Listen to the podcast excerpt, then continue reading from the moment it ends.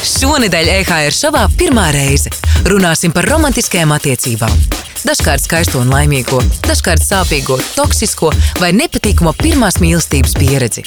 EHR studijā viesojas klīniskā psiholoģe Iveta Ozola Cīrule, bet ar savu pieredzi dalās jaunieši Annija, Gundars un Leina.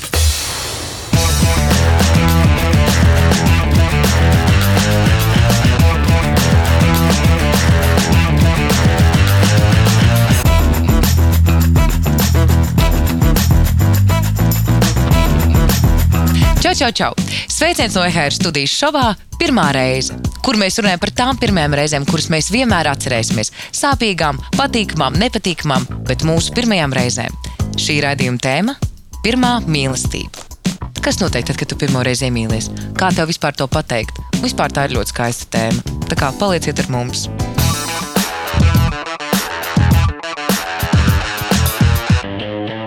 Šodien EHR studijā pie mums ciemos ir klīniskā psiholoģe Iveta Ozola Cīrula. Labdien, Iveta! Labdien! Kā arī mūsu drosmīgie jaunieši, kuri gatavi dalīties ar saviem stāstiem - Anija Glaudāne, sveika, Anija, Sveiki! Gunārs Magone Sveiki! un Lēna Markevica. Sveiki!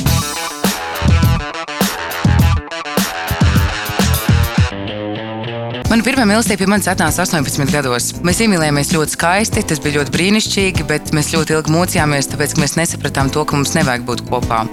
Tad, kad 18 gados tu iemīlies, tad tev šķiet, to, ka tev ir jāgrāb viss, ko tu vari no tā otra cilvēka, un ka tas otrs cilvēks ir pats svarīgākais. Bet tajā visā sanāca tā, ka es aizmirsu to, ka svarīgākā īstenībā esmu es. Un ka man nevajag ne savu darbu, ne savas mācības, ne vispār savu esību atstāt, eh, nu, es pat teiktu, piektajā plānā, salīdzinoši ar šīm attiecībām. Tas viss bija beigās tā, ka jau ka es mēģināju strādāt sliktāk, lai es nebūtu labāk par viņu. Es mēģināju būt neglītāka, nesmukāka, lai es nebūtu labāk par viņu. Tāpēc man bija ļoti, ļoti bailes par to, ka, ja es viņu būšu lielāka par viņu, tad ar to šī mīlestība beigsies. Bet viņa beidzās līdz ar to, ka es sapratu to, ka man nav jābūt mazākai, ka man jābūt tieši tādai, kāda es esmu. Un tad arī mūsu attiecības pārtrūka.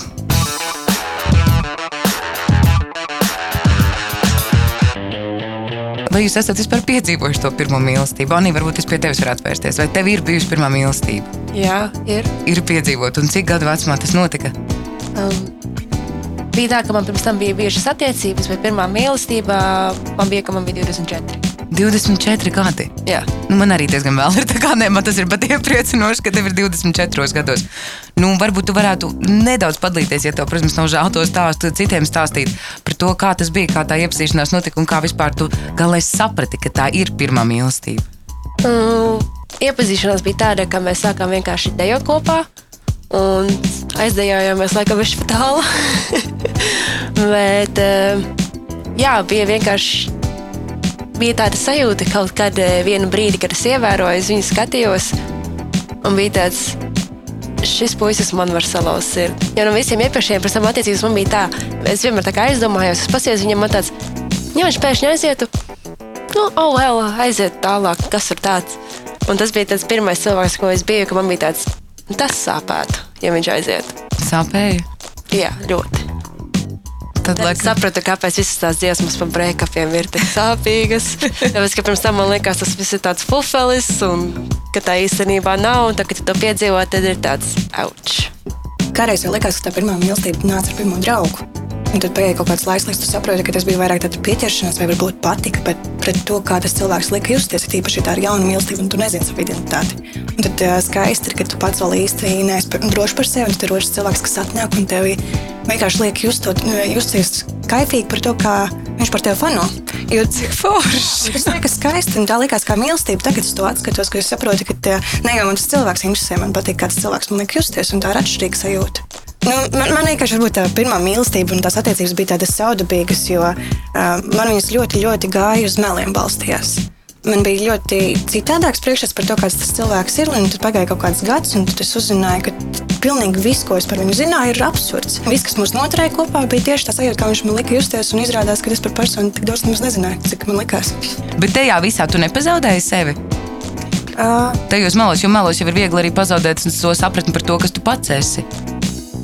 Godīgi sakot, varbūt man bija tāda vilšanās sajūta, ka tas esmu bijusi naiva. Nu, tas, tas, tas bija pirmais, ko es par sevi raudzījos, ka nu, cik naiva, taču man vajadzēja ātrāk saprast. Jo, uh, stāv... Cik gadi tev bija? 16, 17, kad tās attiecības ilga. Nu, tad nē, es esmu precējies. Nē, nu, es tagad neesmu. Tajā laikā varbūt likās. Tagad jau tas tā, ka vienkārši nu, liekas tāda smieklīga pieredze patiesībā. Nu, kur pastāstīs, un tāds, nu, kam negadās. Gundar. Ja pirms gadiem, pieciem, sešiem, varbūt es saskatījos uz to pirmo nu, to brīdi, kad man likās, ka es esmu iemīlējies, jā, likās, ka tā ir mīlestība. Bet īstenībā tagad, kad es uz to atskatos, tās ir vienkārši jaukas atmiņas. Tā bija tāda kā sajūta, ko tu nekad dzīvē nebija izjutis līdz uh, tam brīdim. Tāpēc, nu, jā, tu likās, ah, oh, tieši šī tā ir tā mīlestība, par ko visi runā. Bet, nu, Jā. Bet nu, kas tad ir? Jo katrā vecumā, jo tomēr man šeit tā mīlestība ir cita. Un tas, kas tur 20 gados šķiet mīlestība, 30 uzreiz tā kā nē, nē, nē, tas vairs nebija. Un pēc tam tā tas jau ir visu mūžu iet. Katru reizi, kad tev liekas, ka tu zini, kas ir mīlestība, varbūt tev dzīvē atnāk nākamais cilvēks, kas tev parāda, ka uh, mīlestība ir pavisam kaut kas uh, cits. Nu, piemēram, kas, uh, tas būs tāds mazs piemērs, bet. Uh, līdz kaut kādam 20, nezinu, 1, 22 gadu vecumam, man pirmo reizi. Jā, 20 vai 21. Nu, kaut kur tajā vecumā apmēram man bija tāda situācija, ka es piecēlos no rīta, un uh, mana draudzene atnesa man uh, kafiju. Man, ka, nu, nu, vienīgais cilvēks, no kuras biju no rīta saņēmis kafiju, bija mamma vai ne? Un pēkšņi, kad man uh, šī meitene atnesa kafiju, man bija tādas interesantas lietas, ķermenis, kas notiek. Wow, kaut ko šādu gan nebija izjūts. Tā ir tāda maza lieta, bet tagad es uz to atskatos, tas likās tik pozitīvi un manī uh, izvirzīja kaut kādu jaunu sajūtu, ko es iepriekš nebiju sajūtis. Tāpēc bieži vien nevajag būt kaut kādiem lieliem notikumiem. Uh, manuprāt, lai tu saprastu, kas ir mīlestība vai ko tu meklē mīlestībā, dažreiz tie mazie mirkļi attiecībās, kur tev liekas saprast, A varbūt šī tomēr ir mīlestība, A varbūt šis komēru kopā veido mīlestību. Es arī kā, es pati no sevis atceros un atceroties, kā gāja maniem klases biedriem un draugiem, tajos pašos 16 gados. Tas sarežģītākais bija saprast, ka, ja tev kāds patīk, ka tu arī tam otram patīc, un kurš tad būs tas pirmais, kurš to pateiks, un kā vispār saņemties to visu pateikt. Jo, piemēram, jūsu gadījumā, es nezinu, par mani te var tavu deju partneri. Tu pirmā pateici vai viņš? Viņš viņš ļoti ilgi nevarēja saprast, tāpēc ka eh, viņš teica, es viņam miksu signālus sūtīju. Viens piemērs bija, ka es katru reizi, kad viņu apskāvu, es viņam tā uzsit uz muguriņa. Kā, kā draugam. Kad tas ir rītīgs, tā kā ķipa, nē, nē, draugi. Un tad mēs kopā dejojām, kamēr mēs gaidījām, kamēr mums bija jādejo. Es viņam vienkārši par cik es sēdēju tā kā augšā aizmugurē, es paklausīju matus, un tad viņš jau saprata, ka laikam patīk, un tad viņš saņēmās, ja pateikt. Bet, eh, nu, piemēram, Gunter, kā tev? Tev jau noteikti lielākoties no tevis sabiedrība gaida, ka tu pirmais būsi tas, kas, kas pateiks. Nu, jā, ir bijušas reizes, kad es esmu bijis, un ir bijušas reizes, kad otrs cilvēks. Bet uh, es neuzskatu, ka man ir eh, bijis kaut ko tādu grūti pateikt. Bet rekurā ar Anju gan bija savādāka pieredze. Tas, man, man tas pats, man bija tādi miks signāli. Es īsti nesapratu, vai tu esi tas deju partneris. Nē, es ah, neesmu tas deju partneris. Nē. es domāju, varbūt tā ir tā, ka tu runā par viņu. Cik tas būtu jauki, mēs varētu tagad sēdēt un preparēt, kas nogāja greizi. Bet uh, man arī bija tādi miks uh, signāli, un, un, un nevarēja saprast. Un bija tas brīdis, kad uh, mēs tieši bijām Portugālē, un uh, Anna uz mani paskatās, un viņa tāda tu zini, es tevi mīlu. Un kā mēs iepriekš bijām trīs gadus uh, labākie draugi, un es tajā brīdī pastos uz viņu tāds. Kā draugi? es īsti nesapratu. Man liekas, ka tūlīt viss es kaut ko ne tā pateikšu, un vai visas var jau pirkt tūlīt biļeti atpakaļ uz Latviju, viss nerādīties. Bet es teiktu, labi, es saprotu, ka mums laikam, diemžēl, mums ir visi, mēs varam runāt tikai par tādām heteroattiecībām šobrīd. Bet uh, man pašai personīgi, vismaz es gribu savu draugu vārdā pajautāt, un varbūt kāds cits, kas klausīsies, ko darīt, ja tu neesi heteroseksuāls, ja tu esi homoseksuāls. Un kā tad uzsākt šīs, kā piemēram, jaunam cilvēkam, 11 gadīgam, kurš ir sapratis, nu, ka, ir, ka, ka, ka, viņš ir vai nu biseksuāls, vai homoseksuāls, vai lesbiete. Kā saprast uh, to, ka tas otrs cilvēks arī varētu, viņu varētu interesēt vienzimumu attiecības? Nu, ja vien tas netiek tā ļoti stingri slēpts, bieži vien to var pamanīt. Un homoseksuāli cilvēki meklē šo signālus, kur viņi sajūt tādu, nu, to līdzvērtīgo. Un runāšanās nekas nav labāks izdomāts par runāšanos. Bet, protams, jauniešiem tur jau arī varētu būt bailes par to, ka viņi tomēr baidās atklāt savu identitāti. Jā, jā, noteikti. Un, Var sēdēt un gaidīt arī, jā. Var neiet ārā un nedarīt neko. Jā, jā, izdomā, jā, izdomā, ko gribās, jā. Nu, Tātad tur nav nekāda cita varianta, kā vienkārši iet un runāt. Nu, protams, jā. Mm. Nav, nav jau jāiet uzreiz. nav jau jāiet uzreiz un jāsaka, ejam uz randiņu. Var pajautāt, vai, vai te, visam var pajautāt, vai tev ir draudz, un viņš uzreiz atbildēs. Nu, man nav, jo man patīk zēni, piemēram. Um, Man liekas, ka var, arī- var ne, arī nepaužot savas simpātijas, var noskaidrot. Par, par to, tad ir tas, patīk. drošais veids. Un es domāju, to var sākt. Man liekas, šādās situācijās pats galvenais ir atrast uh, komūnu ar uh, līdzīgi domājušiem cilvēkiem. Un tagad ir uh, visādas uh, grupas, kur tu vari iet iekšā un parunāties ar cilvēkiem gan Facebook, gan WhatsApp, gan Telegramā. Visur ir visādas grupas, kur ir līdzīgi domājuši cilvēki. Viņiem vari droši prasīt, kas un kā, un viņi tevi atbalstīs. Un, jā, tā ir mana atbilde komūna. Līdz ar to tad vienkārši galvenais, ko, tas, ko es dzirdu īstenībā lielākoties, ir tas, ka gribas sajust kaut kādu apstiprinājumu no tā otra cilvēka, ka ir droši atzīties. Mm. Es gribētu to citu iespēju. Es parasti esmu tā, kas iet un stāsta un saka un iepazīstas, man vienmēr veicas. Pastāsti vairāk. Tāpēc, ka cilvēkiem ļoti patīk tāda pašpārliecinātība. Un tas ir pats skaistākais, kas cilvēkos var būt. Un, un tas ir maģiski, cik ļoti daudz tu vari dabūt, ja tu vienkārši pajautā. Man šķiet, ka tev ir jākļūst par mani kaut kādu live coachu. Jā, jo vienkārši varbūt ne viss, ar ko esmu iepazinusies, ir beidzies ar attiecībām, bet esmu iegūmis ļoti fantastiskus kontaktus, kas varbūt ir beidzies tā kā draudzība kaut kāda. Nu, Tā tad tev patīk, un tu vienkārši ej un saki, hei, tu man patīc. jā, es, es tevi ievēroju, es labprāt tevi iepazītos vairāk, ja tev ir laiks. Tas ir ļoti forši, ka tu uzņemies to vadību. Jo, piemēram, man, man pašai, pašai personīgi ārprāts. Nu, te tagad tūlīt es mums visiem vaļā. Mums tikai ir jāsaka par, par kaut ko pirmo, bet mēs jau, man liekas, pat tādā jau, jau, uz, tā kā jau bišķi nopietnāk runājam.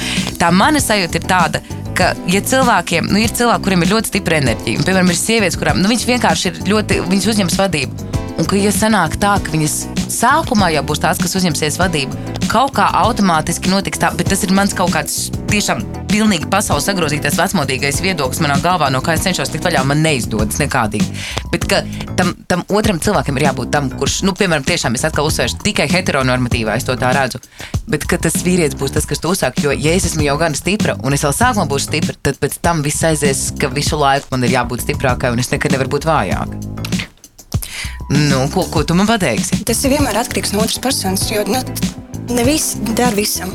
Nu, jā, jā, Jā. protams, tas ir atkarīgs no kā. Jā, jā. Jā, protams, būs kaut kādi, kas kā varbūt nedaudz sabīsies, un viņiem būs eh, kaut kāds diskomforts, jo viņi baidīsies ar mani godīgi komunicēt. Viņiem es varbūt likšos enerģētiski spēcīgāk vai kaut kas tamlīdzīgs. Bet būs kaut kādi, kuriem tas liksies tāds foršs izaicinājums, ka, hei, es tev nelikšu pie vietas. Nu, tā kā ne jau ļauni pie vietas, bet kā, nu, es parādīšu, ka tas arī var būt spēcīgs un, un, un kaut kāds izaicinošs, un kad es gribu tieši tevi uzaicināt uz kaut kādu interesantu. Un droši esmu brīva patiesībā. Es arī šobrīd esmu brīva. nu tā, paldies. Līdzīga pieredze dažkārt bijusi kā Lēnā, bet man atkal bijusi uz negatīvo. Tādā ziņā, ka es bieži vien arī esmu sevi, kad es kādreiz gāju uz radiņiem, izrādījusi kā stipra persona, kas var uzņemās līdu. Un tas atkal tiem vīriešiem nepatīk. Un tad es saprotu, ka tie ir ceļi, kuri grib tādu mazliet tā kā mazu kaķīti, kuru var tā kā galēnīti pamanipulēt. Man bija prieks, ka tas nebeidzas. Nu, tas nē, nu, tādā ziņā, ka tu esi gudri, tu esi pamanījusi, kur atkal tevi nevis kā personība, bet kā lietu kaut kur sanāk. Pirmie reizi es nepamanīju, tagad jau es zinu tos signālus.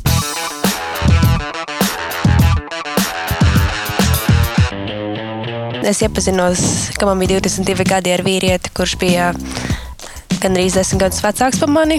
Un mēs pusotru gadu nodzīvojām kopā. Domāju, ka bija mīlestība. Beigās izrādās bija vienkārši vesels pusotrs gads manipulāciju. Un tikai pēc tam, kad attiecības beidzās veiksmīgā kārtā, es saskatīju, cik ļoti daudz viņš bija izmainījis manus viedokļus par pasauli un par manu dzīvi un ko es vēlējos darīt ar savu dzīvi. Un eh, pusotru gadu iespējā es biju gandrīz vai gatava atteikties no savas karjeras, kuru es tajā brīdī būvēju jau 12 gadus.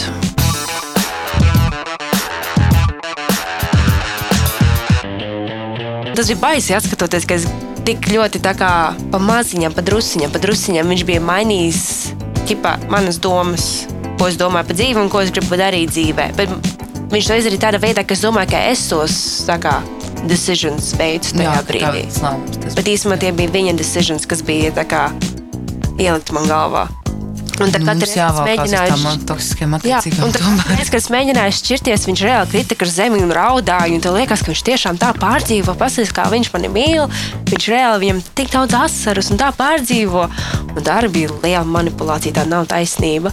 Kāpēc visiem tā sanāk? Es nesaprotu. Tas man šeit nepazīst nevienu cilvēku, kuram nav bijuši viena vai kaut kāda otra veida tāda garāks, visāks attiecības ar manipulātoru. Man liekas, ka tā īsā versija ir, mm, ir tam, ka veselīgas attiecības veidojas vis- vispirms, kad tu mīli pats sevi.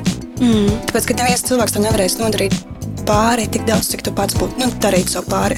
Pieņemsim, ja tu mīli sevi, tad tu neļaus kādam kāpt sev uz galvas, Pilnībā piekrītu. manipulēt un tam līdzīgi. Vai ir kaut kādi tie signāli, kas mums varētu norādīt uz to, ka šīs būs toksiskas attiecības un ka vajag laisties lapās jau, jau pirms tu jau esi par dziļu tur iekritis iekšā? Jā, es domāju, ka viens tāds no pirmajiem, ko var pamanīt, ir ā, kontrole. Jā, ja sāk kontrolēt um, laiku, kur tu pavadi, ar ko tu pavadi, tavu telefonu, um, zvana taviem draugiem, lai noskaidrotu, vai tā patiešām bija, vai tu tur biji. Nu, piemēram. Uh, nu, tādas lietas. Jā. Varbūt vēl kaut kas, jo nevienmēr jau tas uzsākas ar šo kontroli. Uh, Nu, vēl var skatīties, uh, tagad iekrīt uh, tā kā iekšā tajās attiecībās, un pašām vairs nav, nav tādas izjūtas, kur ir sarkanie karogi. Ko saka apkārtējie, ko saka draugi, vecāki.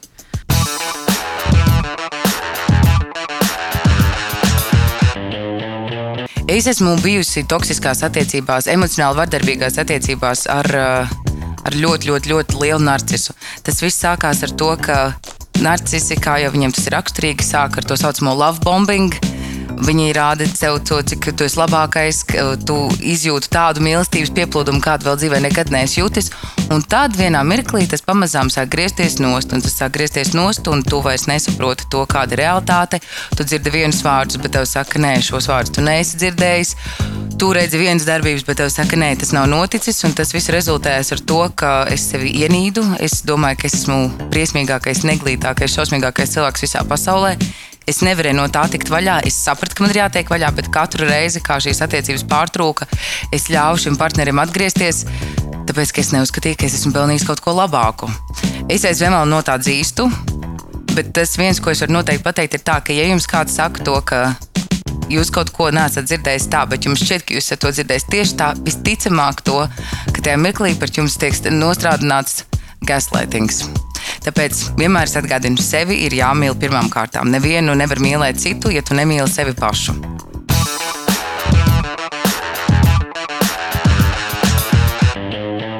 Manuprāt, tas ir kaut kas, kas šobrīd kļūst ļoti, ļoti, ļoti, ļoti aktuāli. Kas ir iespējams arī aizgājis līdz tai interneta vidē, kur interneta vidē mēs visu laiku, nu, ka viss šobrīd ir par psiholoģiju. Tagad visi, visi viens otru diagnosticē. Visi viens otram saka, tu esi tas, šis ir gaslightings, tu esi vēl kaut kas. Un, manuprāt, tieši attiecību kontekstā tajā ir tik viegli apmaldīties, jo kur tad ir tā robeža starp to, kur vienkārši tev cilvēks kaut ko pasaka, un tev tas nepatīk, un tu viņu apvaino, ka viņš nodarbojas ar manipulācijām. Jā, bet kur ir tā otra puse, kur tiešām tās, tā, tā jau ir, tās jau ir abuzīvas attiecības?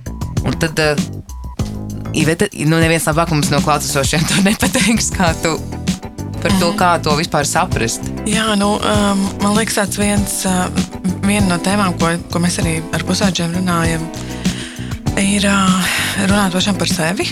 Un, un, un nevainot citus, uh, tu tur ir tāds vai tāds, un, un kāpēc, tu, kāpēc tu darīji to un vēl kaut ko. Bet, uh, Visu laiku atcerēties, runāt pirmajā personā par sevi. Um, man tas neliek justies komfortabli. Man nepatīk, ka tu tā runā. Nevis tu runā stulbi, bet man, man tas liek justies slikti.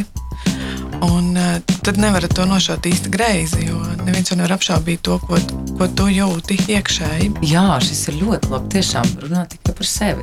Kā es jūtos, mm -hmm. un kā varbūt tu liec man justies, bet nevis ko tu arī tā, tā ir kļūda. Ne, nevar, viņš, viņš neliek, tu sajūties slikti. Tu, tu vari teikt, nu, teiksim, um, tad, kad tu runā vai dari kaut ko, tad uh, man tas liek justies slikti. Bet ne- nepāriet uz otro personu, ka tu rīkojies Nē, slikti. bet ir cilvēki, kas uzreiz saka, "A, kāpēc runā tikai par sevi un domā tikai par sevi. Tā, Tas ir vienīgais veids, kā mēs drīkstam domāt. Jo tad viņi saka, tu esi egocentrisks. Jā, ļoti labi. Cilvēkam jādomā par sevi. Okay. Man ļoti patīk. Tā mierīga, tāda attieksme. Ļoti labi. Jā. Jā. Tad ir jādomā par sevi.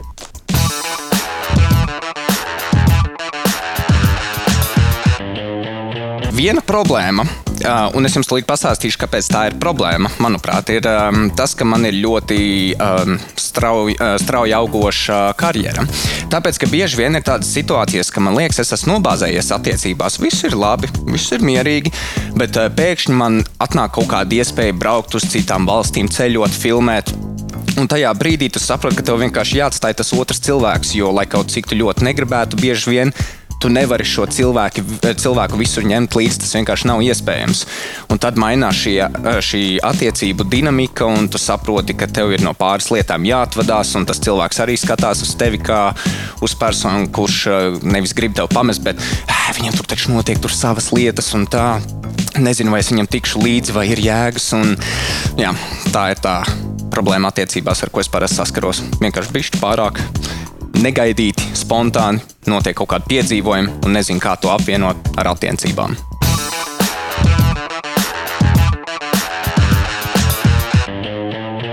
Kur tad ir arī tā robeža? Jo nu, kā, mums jau jādomā par sevi. Mm. Bet, ja mēs esam attiecībās ar citu cilvēku, kur ir tā robeža, kur kā, tomēr mums ir kaut kā sevi nedaudz jānoliek malā, savs ego, un jāpadomā par to, cik cilvēku viņa aizdara vairāk viņa interesēs nekā savās interesēs.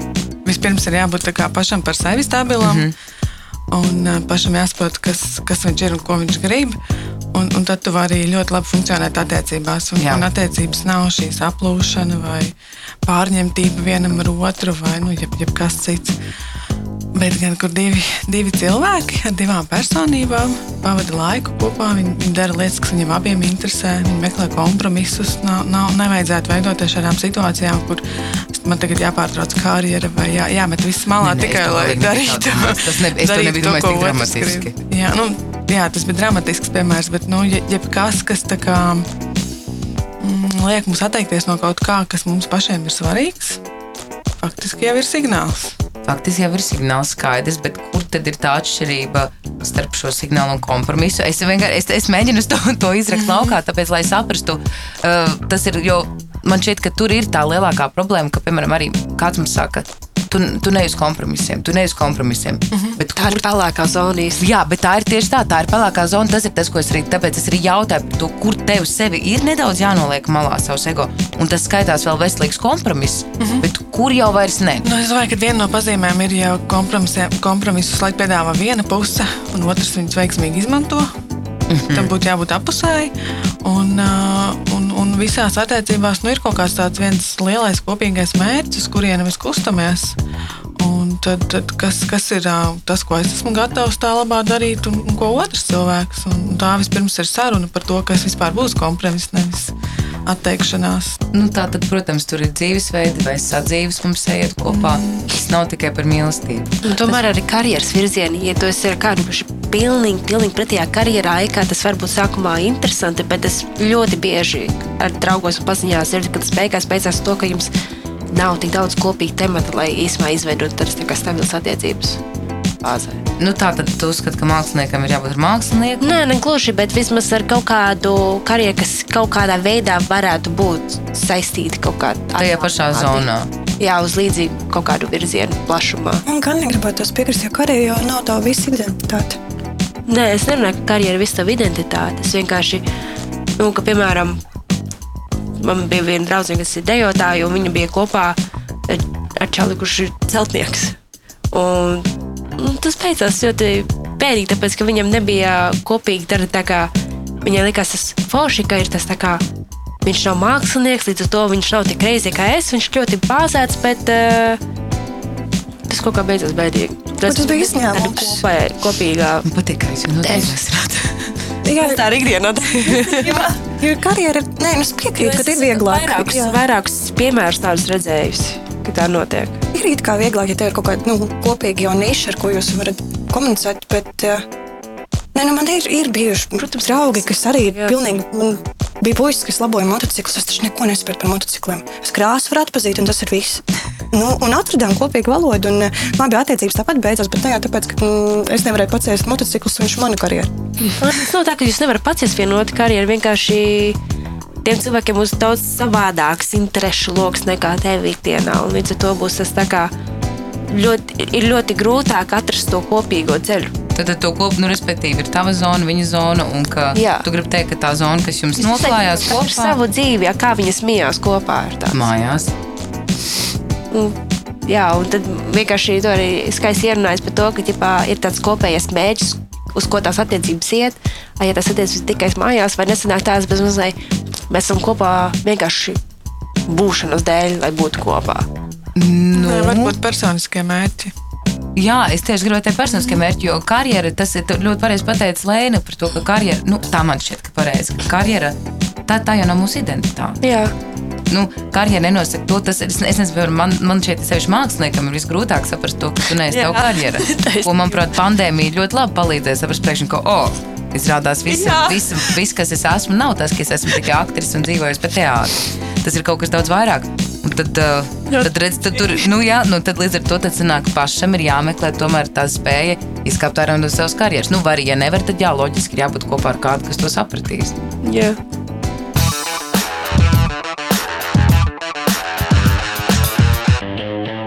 Mana pirmā randiņa pieredze bija interesanta.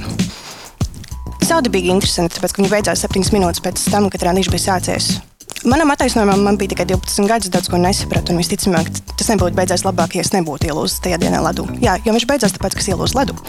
Uh, lai cik interesanti tas nebūtu, mēs ar puisi gājām laukā, izdomājām pāršķērsot pāri upi.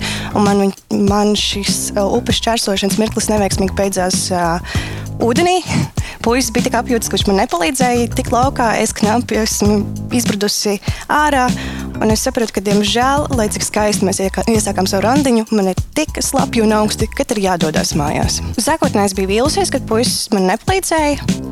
Taču man jāatzīst, ka mēs desmit gadus vēlāk satikāmies. Mēs kopš tā laika nebijām runājuši, un pēc desmit gadiem mēs satikāmies, izrunājām to lietu, un mēs sapratām, ka mēs abi vienkārši bijām nobijušies, sakautrējušies, un mums bija tik drausmīgi neveikli.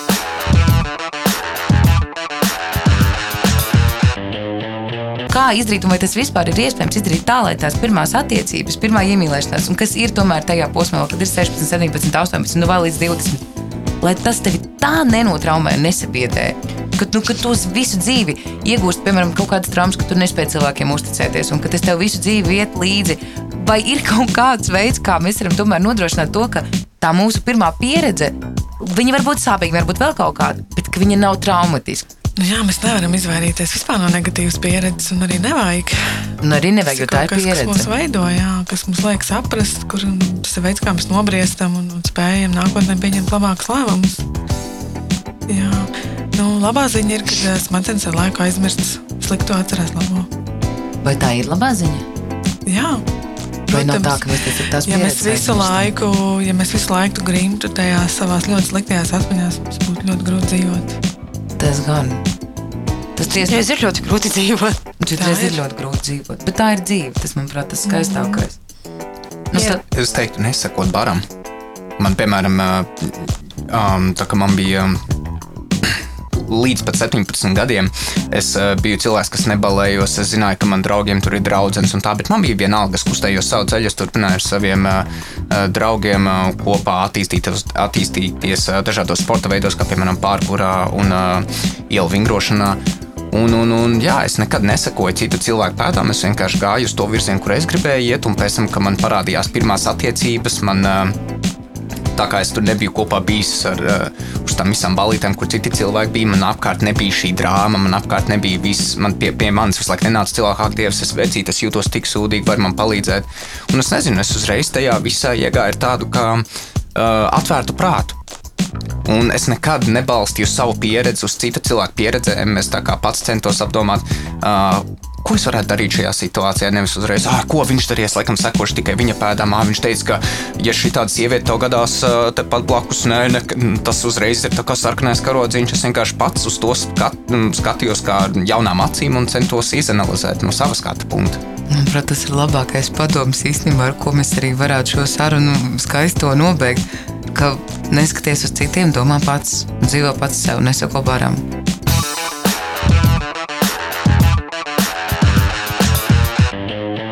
Šis bija raidījums pirmā reize kopā ar Mariju Linarti. Piesako visur, kur var piesakot, jo citādi tu šo raidījumu neatradīsi. Tāpēc esi aktīvs sociālajā vidē, jo tādā pasaulē mēs tagad dzīvojam.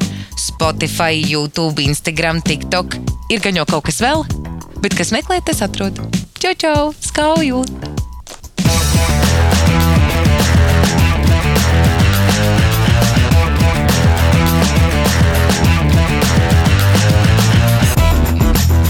EHR studijā viesojas kliniskā psiholoģija Iveta Ozola Cīrula un jaunieši Anija Glaudāne, Gundars Magone un Lēna Markevica. Pirmo reizi skaties EHR YouTube kanālā vai EHR.FM sadaļā podkāsti. Raidījumu finansē Mēdija atbalsta fonds no Latvijas valsts budžeta līdzekļiem. Par raidījumu pirmā reize satura atbild EHR.